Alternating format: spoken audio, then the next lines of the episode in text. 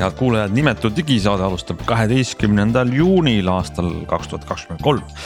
ja täna meie saates kolm inimest, Meelis Väljamäe, Hans Laugas, Henrik Roonemaa ja arutame täna ilmselt peamise teemana seda, kuidas Apple kavatseb oma uhi uue seadmega tuua virtuaalreaalsuse siis igapäevaseks räägime Apple'i uuest peakomplektist, aga ilmselt ka muudest Apple'i uudistest eelmisel nädalal. nimelt sülearvutist ja uuest tarkvarast. ehk siis selline peaks tulema kaheteistkümnenda juuni nimetu digisaade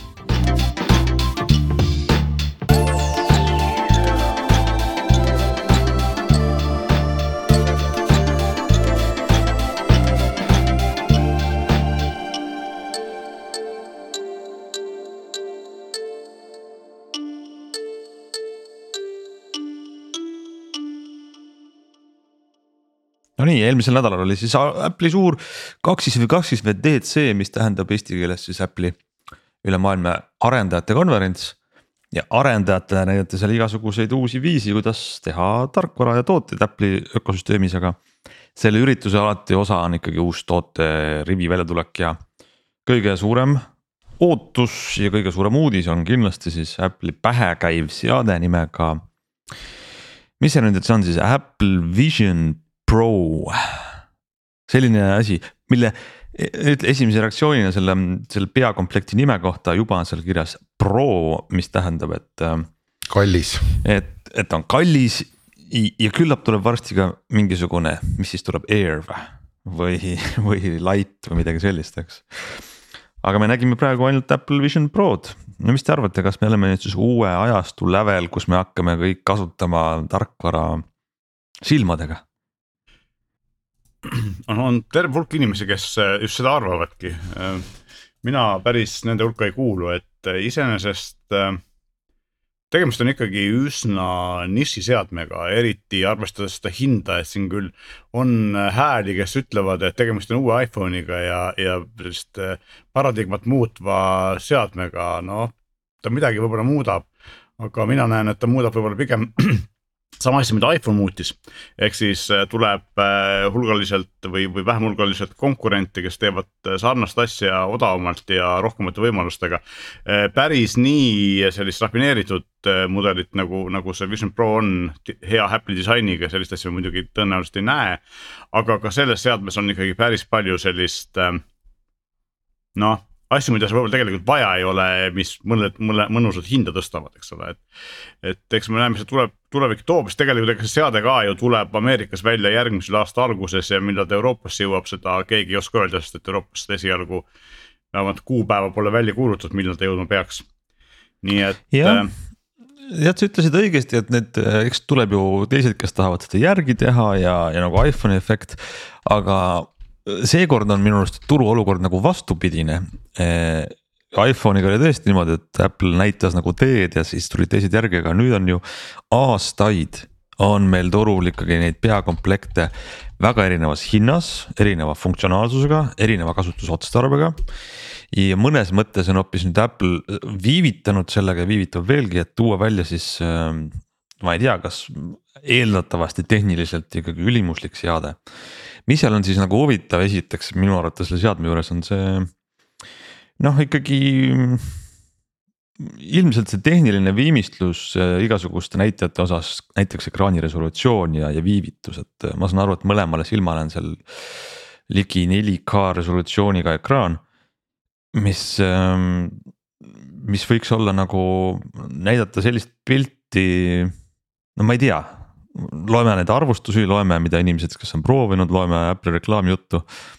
Tundub nagu, et see on väga elutruu ja loomulähedane, et, et sa näed pilti, mis on peaaegu nagu päris maailm. see oli huvitav, kui see Apple'i äh, üritus oli. nagu neil viimasel ajal kombeks on ju, et, et äh, siis kõik see on ju videos. vanasti nad tegid neid pooleteist kahetunniseid live, ma ei tea, teatrietendusi põhimõtteliselt, kus inimene oli lava, kõik, kõik oli kõik, mis pidi olema, oligi otseülekandes ja aeg-ajalt juhtus seal ka mingisuguseid äpardusi, et midagi ei läinud tööle. Aga siis Covidi ajal nad hakkasid tegema sellist eeltoodetud, no ma ütleks siiski kahetunnist reklaamfilmi. ja, ja nüüd äh, oli täpselt samamoodi, et, äh, et ega me laivis ju mitte midagi ei näinud, et kõik, mis me nägime, oli kahetunnine reklaamfilm ja siis lihtsalt osa mm,, ma ei teagi, kuidas peab ütlema, nimekamaid Apple'i entusiaste, analüütikuid, arendajaid, ma ei tea, keda kõiki, oli siis lennutatud sinna Californiasse Apple'i peakontorisse kokku ja, ja kui see üritus läbi, see video läbi sai, siis nad olid seal Apple'i peakontoris ja, ja neil olid siis oma demoalad.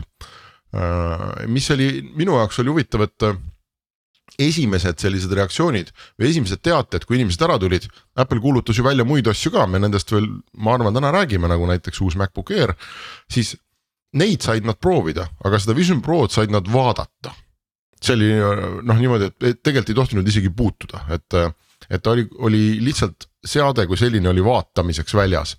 ja, ja see olukord jõudis kesta ma ütleks mõned tunnid, pool päeva, võib-olla päeva, kui need esimesed reaktsioonid sealt tulid, et, et uus MacBook Air on väga lahe, sellega ma sain äh, asju vaadata ja seda ma sain puutuda, aga noh, Vision Prod ma lihtsalt võisin vaadata ja ma mõtlesin siis, et, et väga eba-Apple'ilik või väga suur möödalask Apple'i poolt, et sa kuulutad välja sellise asja, ütled, et see on tulevik.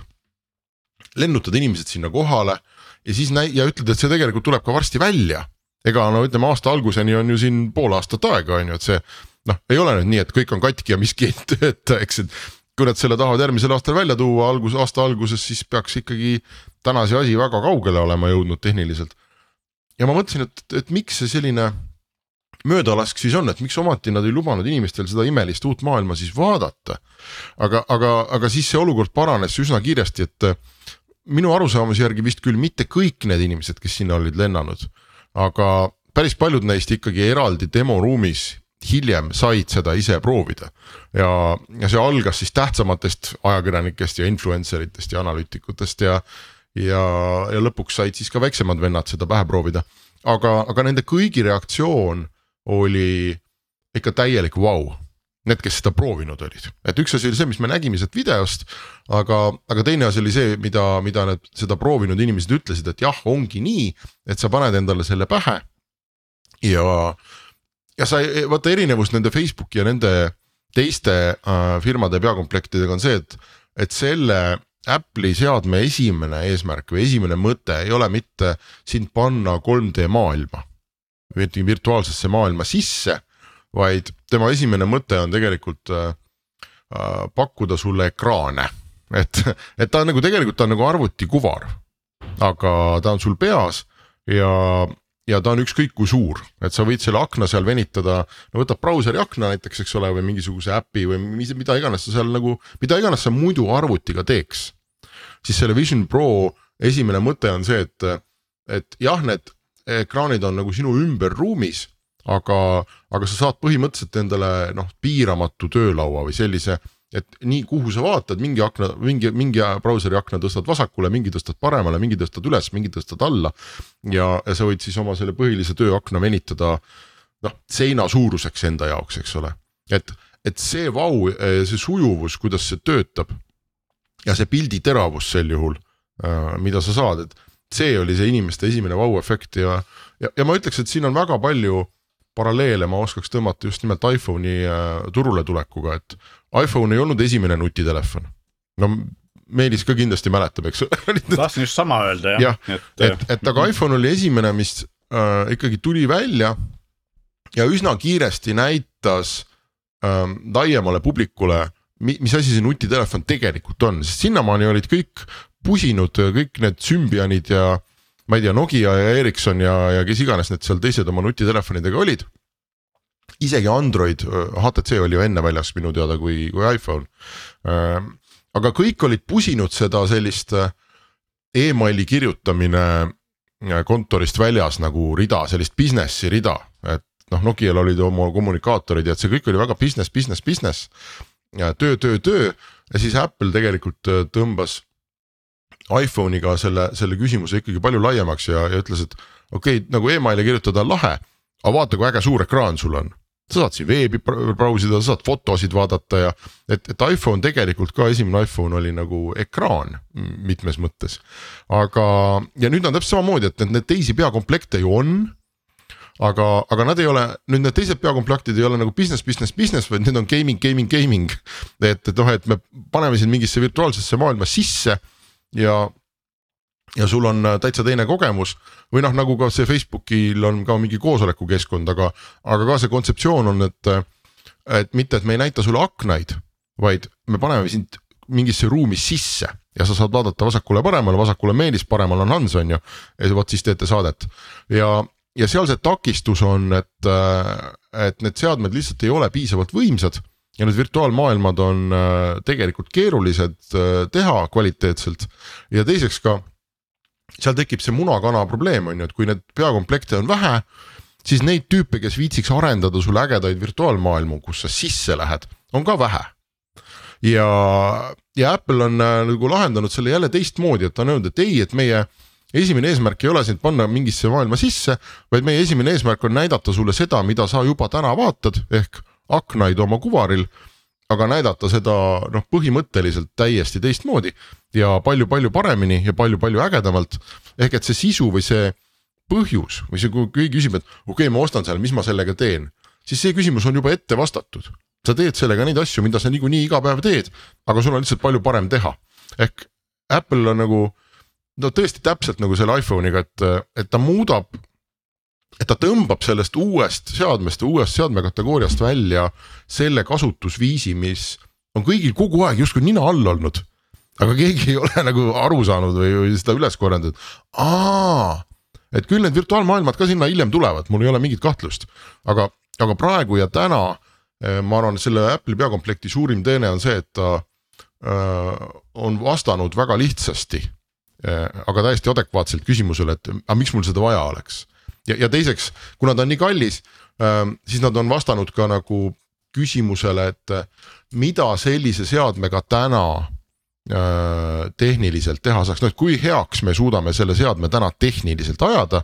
et, et näidata inimestele, et jah, et see pähepandav nagu maailm, et see päriselt tegelikult võib olla ikkagi väga hea. ja, ja rohkem ma arvan, neilt keegi ka ei oota. no sellega nagu mitu sellist nüanssi tegelikult, et, et ma olen kõige sellega nõus, aga siin on nagu ongi mitu aga, et esimene aga on minu arust see või noh, tegelikult kuhu see kõik välja jõuab, on, on eh, needsamad eh, ajakirjanikud, kes seda vaatasid, et kui sina ütlesid, et kõik olid nagu sellist vasikavaimustuses ahetunud, siis mina lugesin välja erinevaid reaktsioone, paljud olid jah tõesti vasikavaimustuses ja. ja, ja ütlesid, et see on nagu tulevik, aga oli ka teisi, kes olid üsna skeptilised ja, ja, või siis vähemalt sellised kahe jalaga maa peal ja esiteks nende üks, üks probleem seal mitmel oli see, et, et see demo oli nii tohutult kontrollitud äh, äh keskkonnas, et kui natukene nagu küsida küsimusi, mis Apple'ile ei meeldinud või hakata nagu uurima või siis isegi ma ei tea, liigutada liiga palju pead, siis äh, insener, kes ümber oli, hakkas higistama, eks ole, ja, ja see asi nagu väga, väga kiiresti käest ära. et, ähm, et see on nagu üks asi ja teine asi on see, eks ole, et et noh, kui me räägime sellest, et see annab sulle ekraanid silme ette põhimõtteliselt, siis äh, on olemas kümme korda odavamaid seadmeid, mis sama asja teevad. okei okay,, teine asi on see, et Apple oskab väga hästi tarkvara teha ja ilmselt, kui see lõpuks välja tuleb, siis neil on väga suur hulk ja noh, tegelikult äh, see arendajate konverentsi tutvustamise mõte oligi ju see, et arendajad hakake nüüd ruttu tarkvara tootma, eks ole, et, et see on nagu see, see point, et selleks, kui välja tuleb, oleks nagu midagi sellega teha. aga jah, sellised, ütleme, need ekraanid nagu nina all asju tehakse ju teisigi ja siin on küsimus nüüd hinnas, et ähm, et hind on kallis ja miks see hind nii kallis on. Ja minul on nagu kaks äh, teooriat selle kohta, esimene teooria on see, et see on esimene väike seade, millel on mikro LED ekraanid mis on väga eredad, eh, mis sellise asja vaja on, eks ole. et ähm, siiamaani ainsad mikrolediga ekraanid, eh, mis turul on, on Samsungi suurtes telekates, mis maksavad sadu tuhandeid, nii et selles mõttes see tehnoloogia ongi veel väga kallis. mis näitab ka seda, et tootjad, sest Apple ise arendab seda tehnoloogiat, siis Samsung on teine konkurent, kes seda teeb ja teisi, teisi väga praegu ei ole, aga.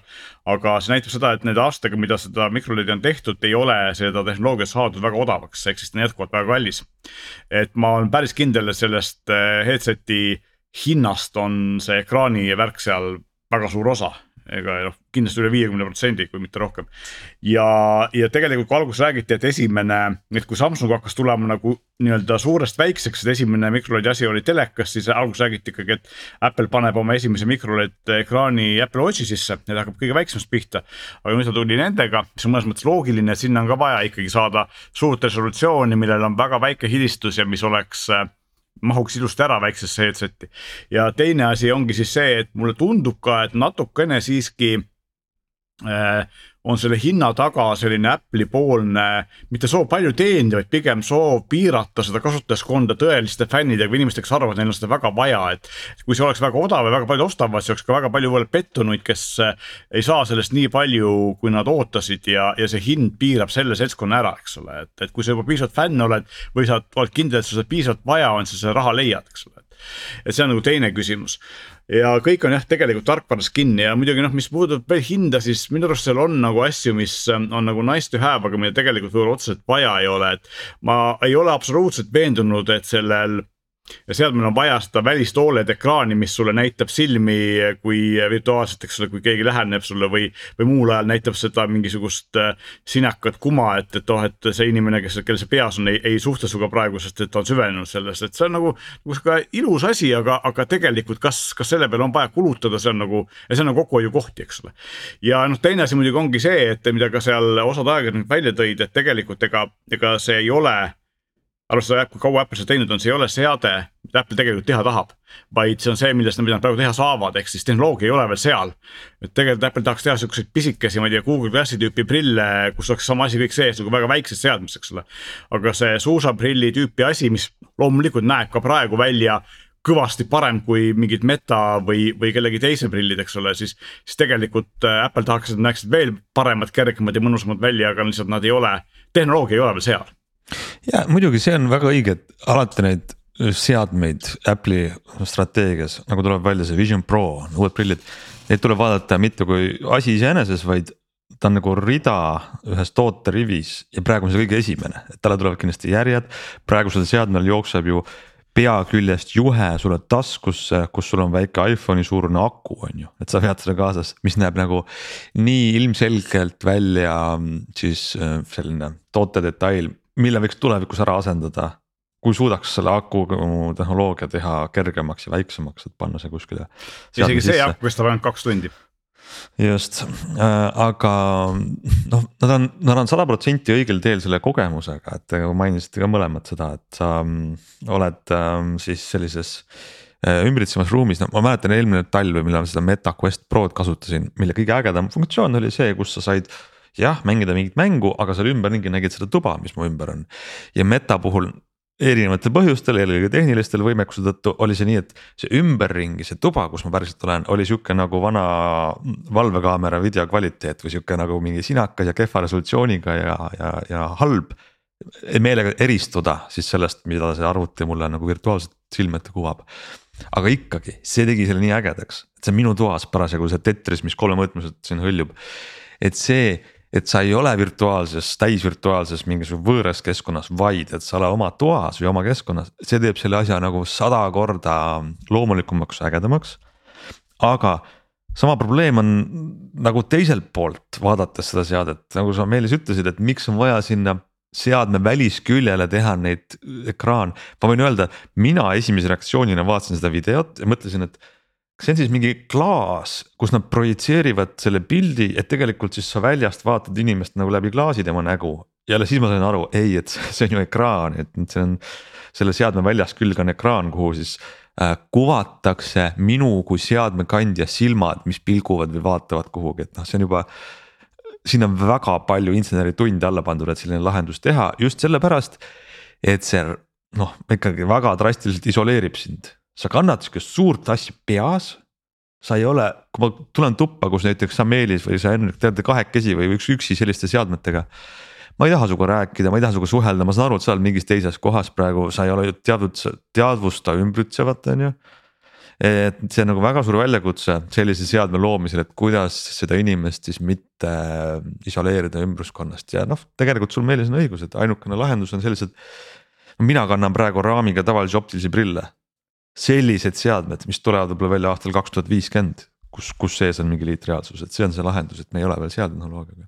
ma saan muide ka, kui ma nüüd õigesti aru sain, siis äh, sinu silmade välisele ekraanile kuvamine ei töötanud täna, et sellest nagu räägiti, et et see tuleb ja et kui loomulik see hakkab olema, eks ole, ja kuidas teistele tundub, et kas su kas su silmad on su ninast eespool et või et suudavad nad seda optiliselt ja optiliselt tegelikult... nagu ikkagi või noh, mingi tarkvaraefektiga, eks ole, su silmad ikkagi jälle õige, õigele sügavusele sinna ekraani sisse tagasi panna, on ju, et seda me ei tea. mulle tundus, ma ei tea, kas te võib-olla ei ole nõus, aga mulle tundus vaadates neid promopilte või, või neid nii-öelda, mida siis või videosi, mida Apple ise on teinud, siis äh, seal need silmad tundusid mulle küll sihuke veits uncanny valley ehk siis ta ei olnud nagu päris loogiline, mulle tundus, et silmad ka suuremad, kui nad päriselt reaalselt on või no midagi oli seal valesti. kui sa oled sunnitud kandma miinus kolmteist äh, tugevusega prille ta on näha veel nagu luubid sul silme ees, seesama äh, efekt natuke oli. sa jah, just, aga, aga selles mõttes, et äh, prillidest rääkides, siis äh, nad ju teevad ka seda, et selle seadmega ei saa kanda prille.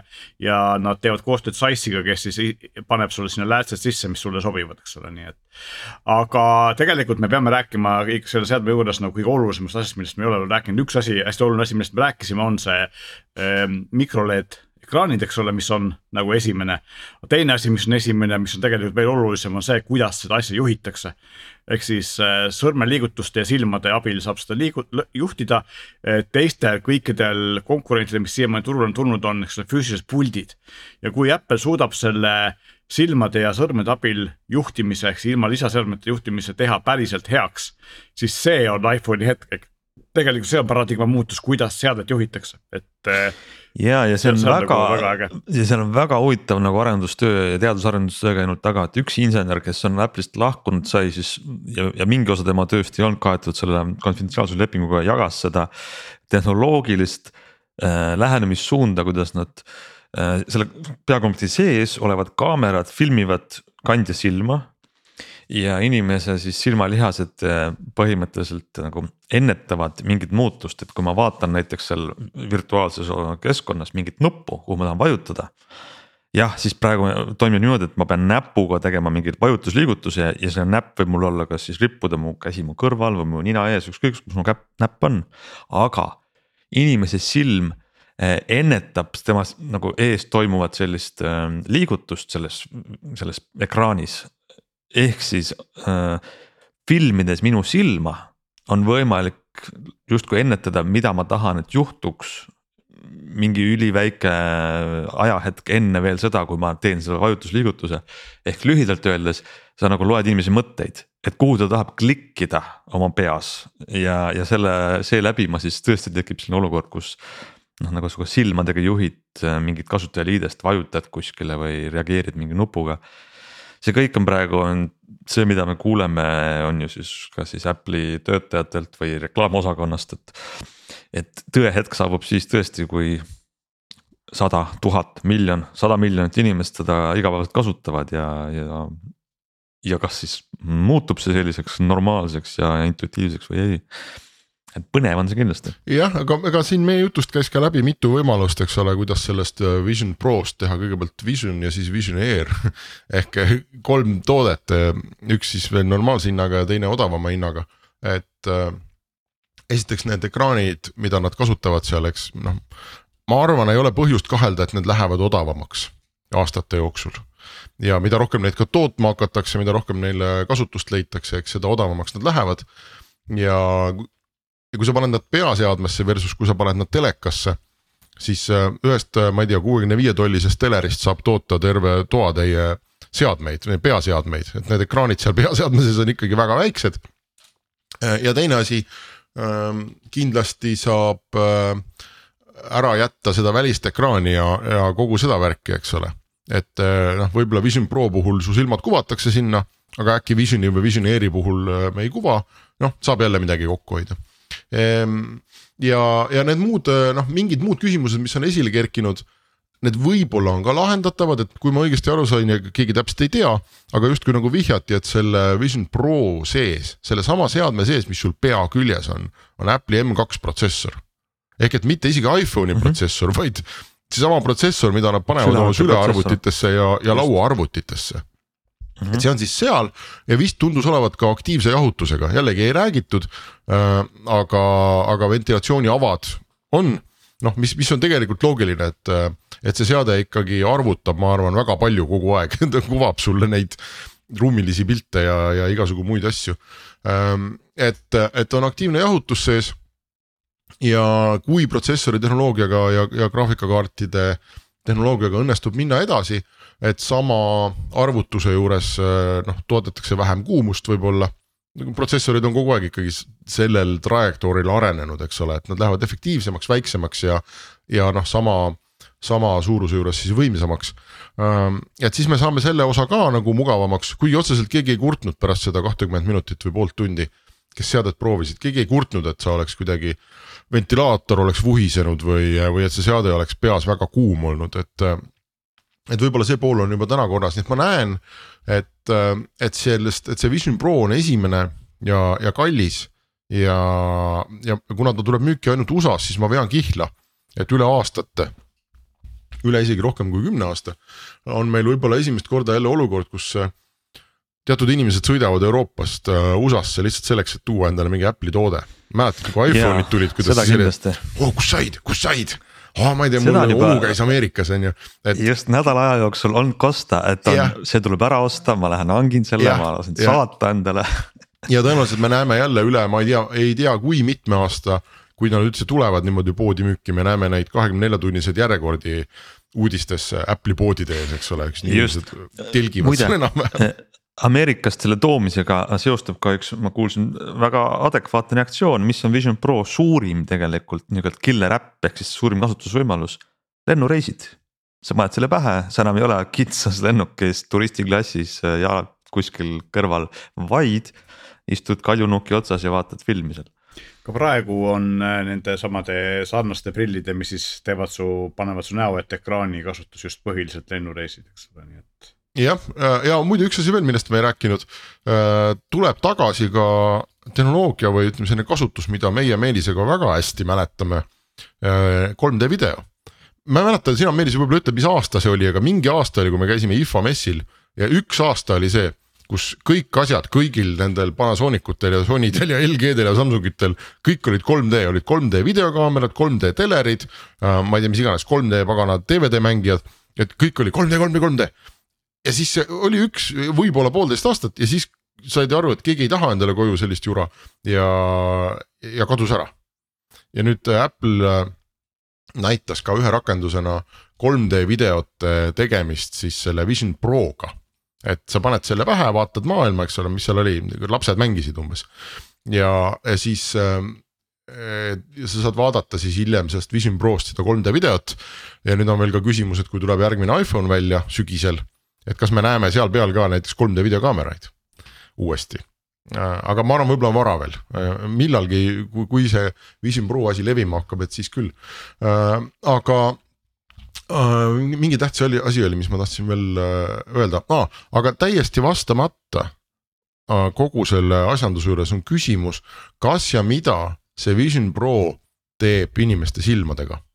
me mitte kuskilt pole näinud ja kuskilt pole kuulnud, ja ma eeldan, et mingisugune mõttepojakene või, või äh, mõttealge kuskil ikkagi võiks ju olla, et kui ma nüüd panen selle endale ikkagi pähe ja ma võtan kaks päris eredat äh, noh, ekraani, eks ole. ja panen need väga-väga lähedale oma silmadele ja istun näiteks äh, kuus tundi tegelen mingisuguse ma ei tea, Wordi dokumendi, eks ole, või mingi Exceli, tohutu mingi Exceli tabeliga ja venitan seda ühest kohast ja teisest kohast. ja ma teen seda kaks aastat järjest tööpäeviti ja puhkepäeviti vaatan, eks ole, seal filme.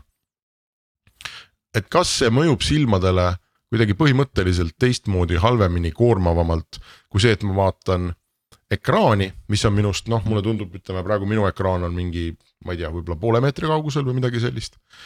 Äh, seda, mida ekraanid teevad silmadega, seda me teame. noh, ja me teame, et see otseselt hea ei ole, aga noh, päris läbi ka ei kõrveta, eks ole, et sa võid ikkagi terve elu teha arvutiga tööd ja noh, pärast pinsile jäädes äh, ikkagi normaalne inimene olla, aga vot kas need minu jaoks on see küsimärk. ei, see on ja. kindlasti küsimus, praegu lahendab selle probleemi asjaolu, et kaks tundi on aku iga on ju. ei no,, aga sa võid ta panna, panna saba seina ja siis Just. olla igavesti seal on ju, et see üldse, see aku Just. üldse ei sega jah, moodne kontoritöötaja, saba on seinas, istud seal virtuaalses töökeskkonnas ja päev otsa. No võib-olla teine- lahendab, lahendab probleemi ära see jällegi, et mis ta nihuke nelisada, viissada grammi vist oli, kui ma nüüd ei eksi. et ikka raske ei viitsi ka töökoha. pea väsib ära. ei no aga me räägime sellest ühest seadmest, aga, aga noh, ütleme küsimus on see, Apple ei taha ju müüa sulle kolme poole tuhandest seadet, et sa äh, nagu pool tundi päevas seda vaataks, on ju, me täna ikkagi räägime. Vision Pro on ikkagi järgmine visioon üldse personaalne arvuti kasutamiseks.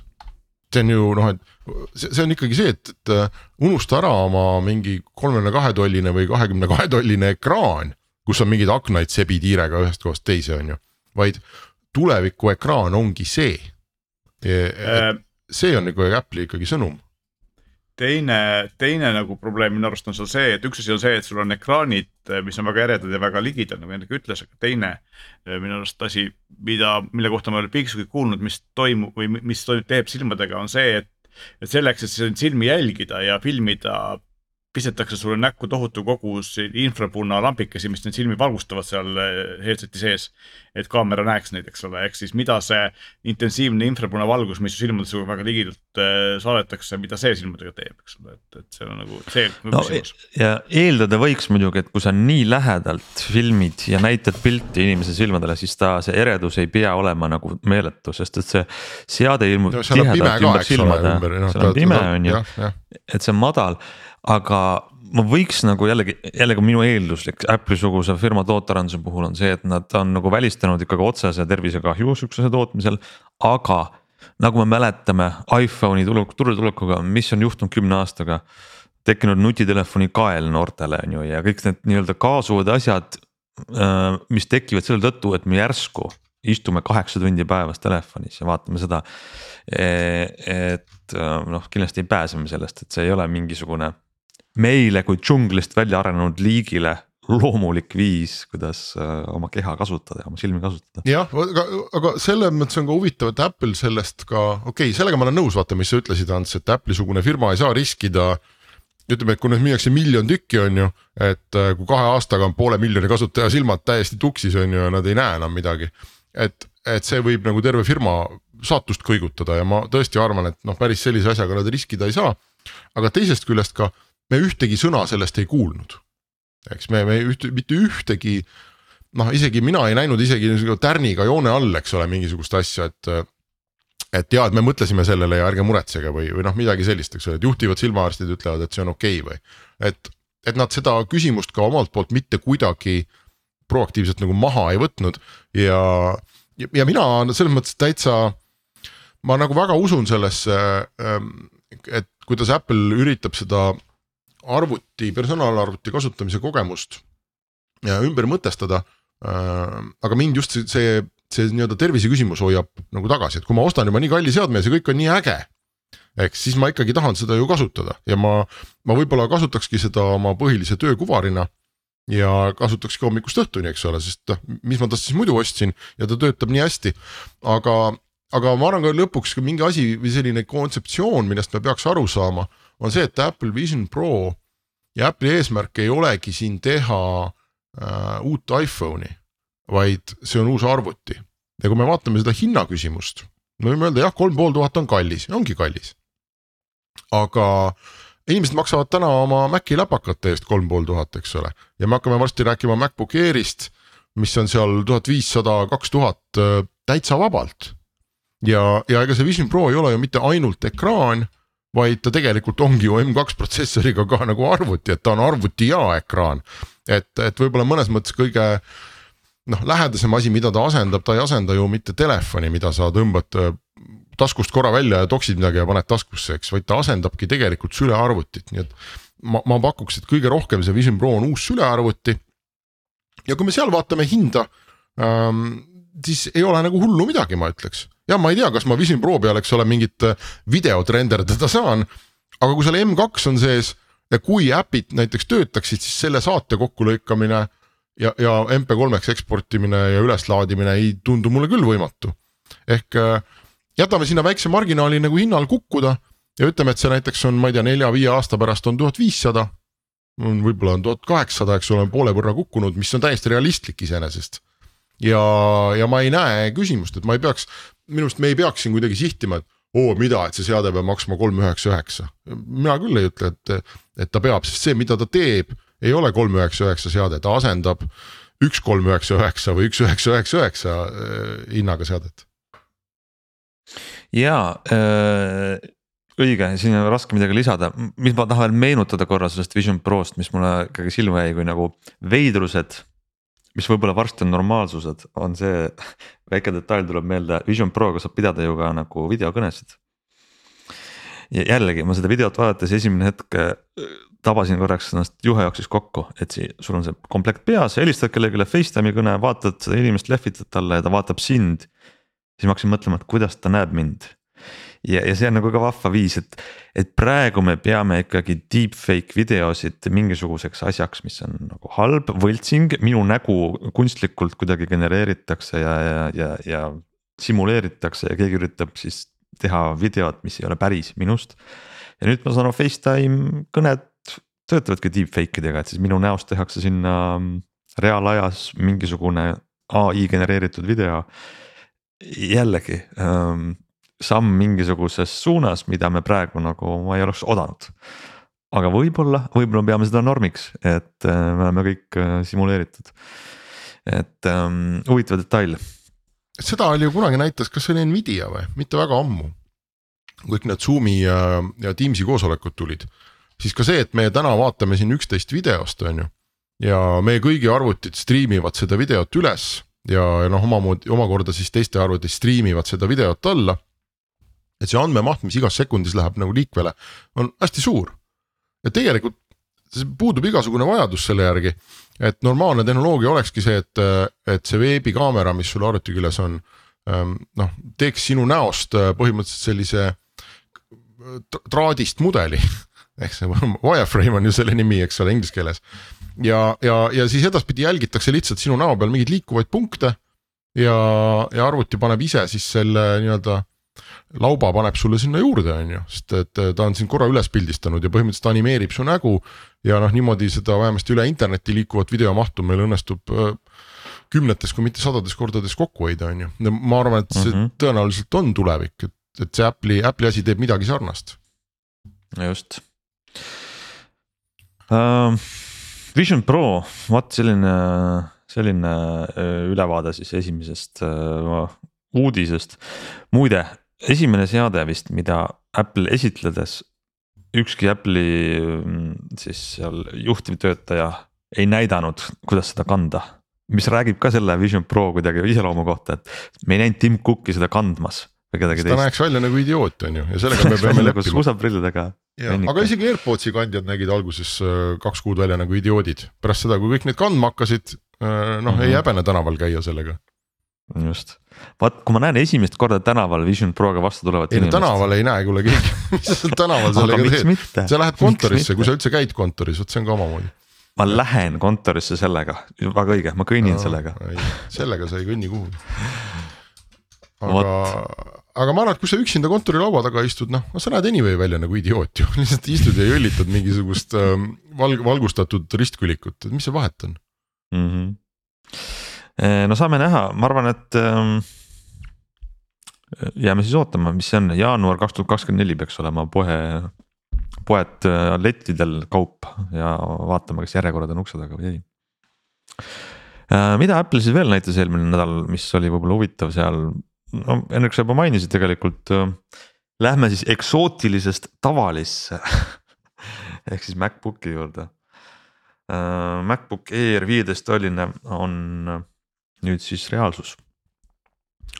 ja tundub nagu hästi mõistlik ja praktiline arvuti. ehk siis äh, viieteisttolline MacBook Air on, äh, peaks vist olema juba see nädal olema saadaval. ja näeb välja väga kerge, väga võimekas ja justkui nagu MacBook Air kolmteist, mis on praegu juba väga populaarne arvuti, aga lihtsalt äh, oluliselt suurema ekraaniga. ja seejuures äh, sisaldab äh,, muidugi kaalus natuke juurde võtnud, aga, aga põhimõtteliselt äh, on nii õhuke, et äh,. et mõtled, et, et kas seal on samasugune aku, väiksem aku, aga, aga mis on minu jaoks nagu muljetavaldav, et see on aku, aku eluiga on ikkagi selline kaheksateist tundi, ehk siis kogu ööpäev miinus unetunnid.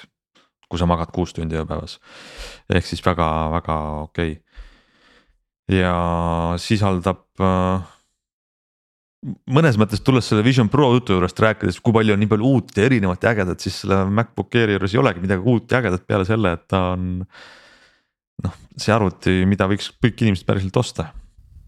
ja mina olen ammu tahtnud seda osta ja, ja ma arvan, et ma seda võib-olla ka teen.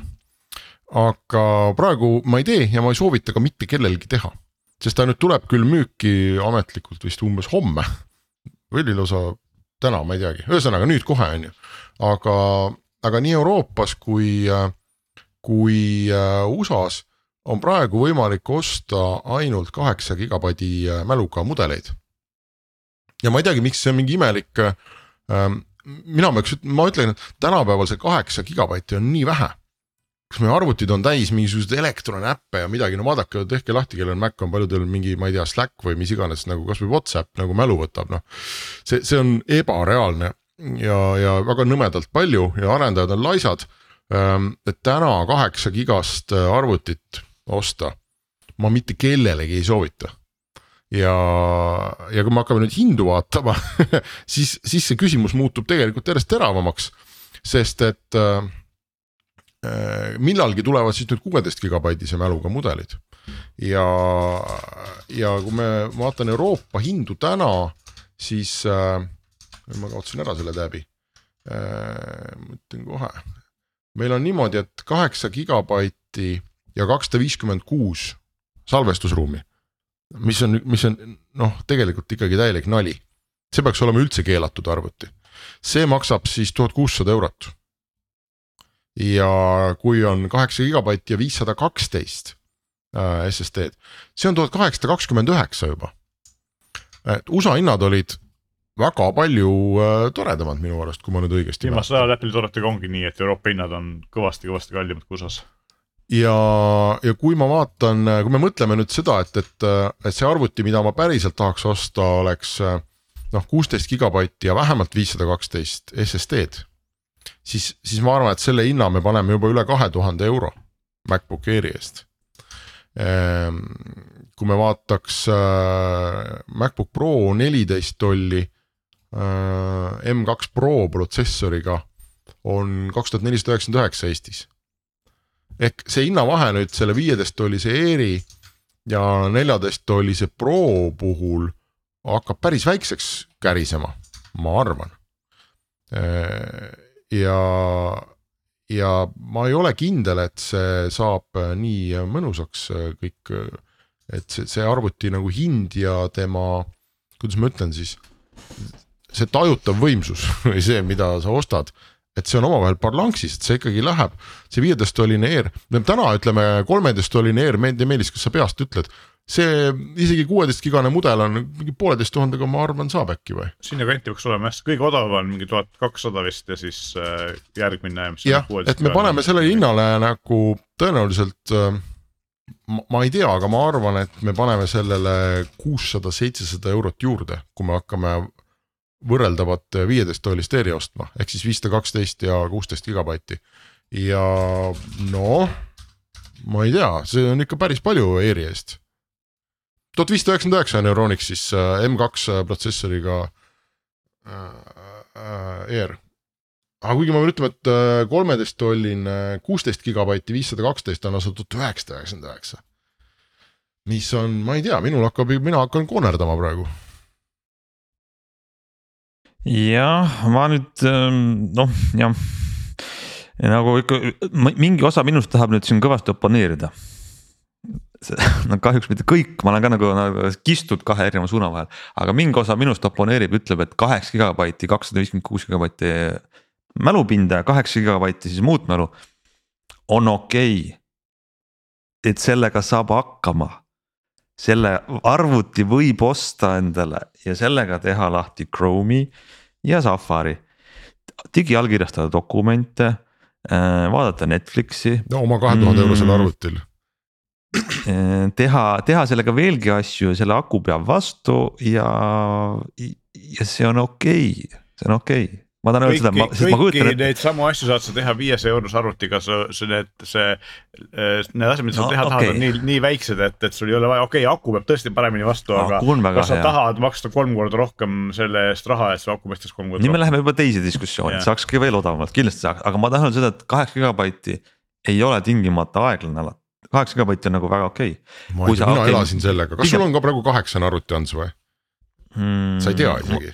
ma isegi ma kasutan oli, kahte arvutit. ja ühel on, ja ühel on kaheksa gigabaiti mul on üks arvuti on kaheksa gigabaidine ja see, sellega ma teen neid asju, mida ma kirjeldasin ja, ja. ja ütleme niimoodi, et ähm, ma saan aru, et tegelikult diskussioon läheb sinna, kui sa maksad kõvasti üle tuhande euro arvuti eest. siis sa tahad ta mõnikord võtta tast viimast ja panna ta proovile ja siis jääb sellest väheks. kui äh, mängime selle stsenaariumi läbi, et ähm, sul on äh, ülikooli lõpp, lõpetamine või keskkooli lõpetamine ja sa tahad kallist kingitust ja siis, mis see võiks olla ja siis keegi ütleb, et kas sa tahad MacBook'i, siis kaheksa gigabaitine Mac on okei okay. kui sa ei otsu-, sa, ei tea, kas sa hakkad sellega töötlema videot või heli või, või on sul kaheksakümmend neli tääbi lahti Chrome'is ja, ja sa tahad neid vaadata. ehk kuusteist ma... on alati parem, aga kaheksaga jääb ellu. ma surfan siin Ameerika Apple'i kodulehel ja ma ütleks, et väga tugevalt on tagasi need ajad, kus Apple'i seadme ostmiseks tasub äh, soetada lennupilet New Yorki või kuhu, kuhu, kuhu iganes USA-sse odavalt saab. sealt saab näiteks osta kolmeteist tolline M1 MacBook Air, mis on mõnede inimeste, võib-olla isegi minu arvates ka parem kui M2 MacBook Air. aga miks nii? Äh, sest äh, M2 protsessor on natukene kuumem ja hakkab natukene varem seal pidurdama ennast. ja, ja see jahutuslahendus, mis, äh, mis M2 MacBook Airi sisse pandud on, on natuke naljakas, et äh, nad on mõlemad head arvutid, aga, aga ma arvan isegi, et kui ma saaks valida, siis ma valiks M1, ühesõnaga kuusteist gigabaiti, viissada kaksteist M1 MacBook Air USA-s, tuhat kolmsada üheksakümmend üheksa. Äh, sinna vist läheb küll kahjuks käibekas juurde, mis sõlt-, mis sõltub osariigist mm. -hmm. ja ma jään siin vastuse võlgu, aga see on äh, odavam, noh, sa saad lennupileti pluss MacBook Airi selle raha eest, mis, äh, mis sa muidu saaks. ei no see, see on õige soovitus, et kui sa satud reisile Ameerikasse, osta see arvuti sealt kaasa, väga hea. Äh, ja kui me vaatame M2 MacBook Airi, siis sama konfiguratsioon kuusteist gigabaiti ja viissada kaksteist on tuhat nelisada üheksakümmend üheksa. ehk ja Eestis oli, mis ma ütlesin selle Euronixi hinnaks ligi kaks tuhat, et vahe on väga suur. saadki pileti hinna, eks ole. jah, täpselt, saadki pilet, saad tasuta nagu reisi, eks, et äh, ja, ja no, muidugi okei okay,, inimestel on erinevad teemad, et äh, kes ostab ettevõttele, saab käibeka tagasi ja, ja noh, sul on vaja Eesti arvet võib-olla ja mis iganes, on ju, jah. Aga lihtsalt inimesele, kes äh, jalutab praegu poodi ja mõtleb, et kas osta, siis mina soovitaks jalutada lennupiletite veebisaidile ja, ja, ja vaadata seal ringi, pluss mida Eestis ka ikkagi noh, nii hoogsalt ei ole. USA-s on äh, need Apple'i ametlikud refurbished või siis nagu taastatud tooted, mis, äh, mis on veel nagu tunduvalt odavamad ja eriti M1 MacBook Airi põlvkonnast õnnestub neid leida küll ja veel, need on isegi garantiiga. ja, ja ka Amazon müüb Apple äh, refurbished tooteid, nii et et ma arvan, et kes tahab endale täna osta MacBook Airi kuusteist giga või viissada kaksteist või isegi ühe terabaidise kettaga, siis äh, väga on põhjendatud nii-öelda loovalt ringi vaatamine ja vot see kõik tõmbab minu hoogu selle viieteist tollise ostmisel nagu maha. ja Meelis, Meelis on vait, Meelis niikuinii ei osta seda mitte kunagi. jah, noh mitte, mitte praegu, aga selles mõttes ma olen nõus jah, et, et eh, just see, isegi kui me arvestame sinna selle Ameerika käibemaksu juurde, mis on väiksem kui Euroopa käibemaks, eks. siis see hinnavahe on ikkagi nagu kõvasti suurem, kui ta oli mõni aasta tagasi ja, ja sellepärast. jah täpselt. Ja ma ei tea, mis täna dollari kurss teeb, aga, aga dollar ka kallim kui euro kindlasti ei ole. nii et vot muidu, aga, aga ühesõnaga muidu arvuti ise tundub olevat täpselt nagu sa Ants ütlesid, et äh, viisteist tolli ja ja MacBook Air. Seesama MacBook Air, aga lihtsalt viieteist tolline.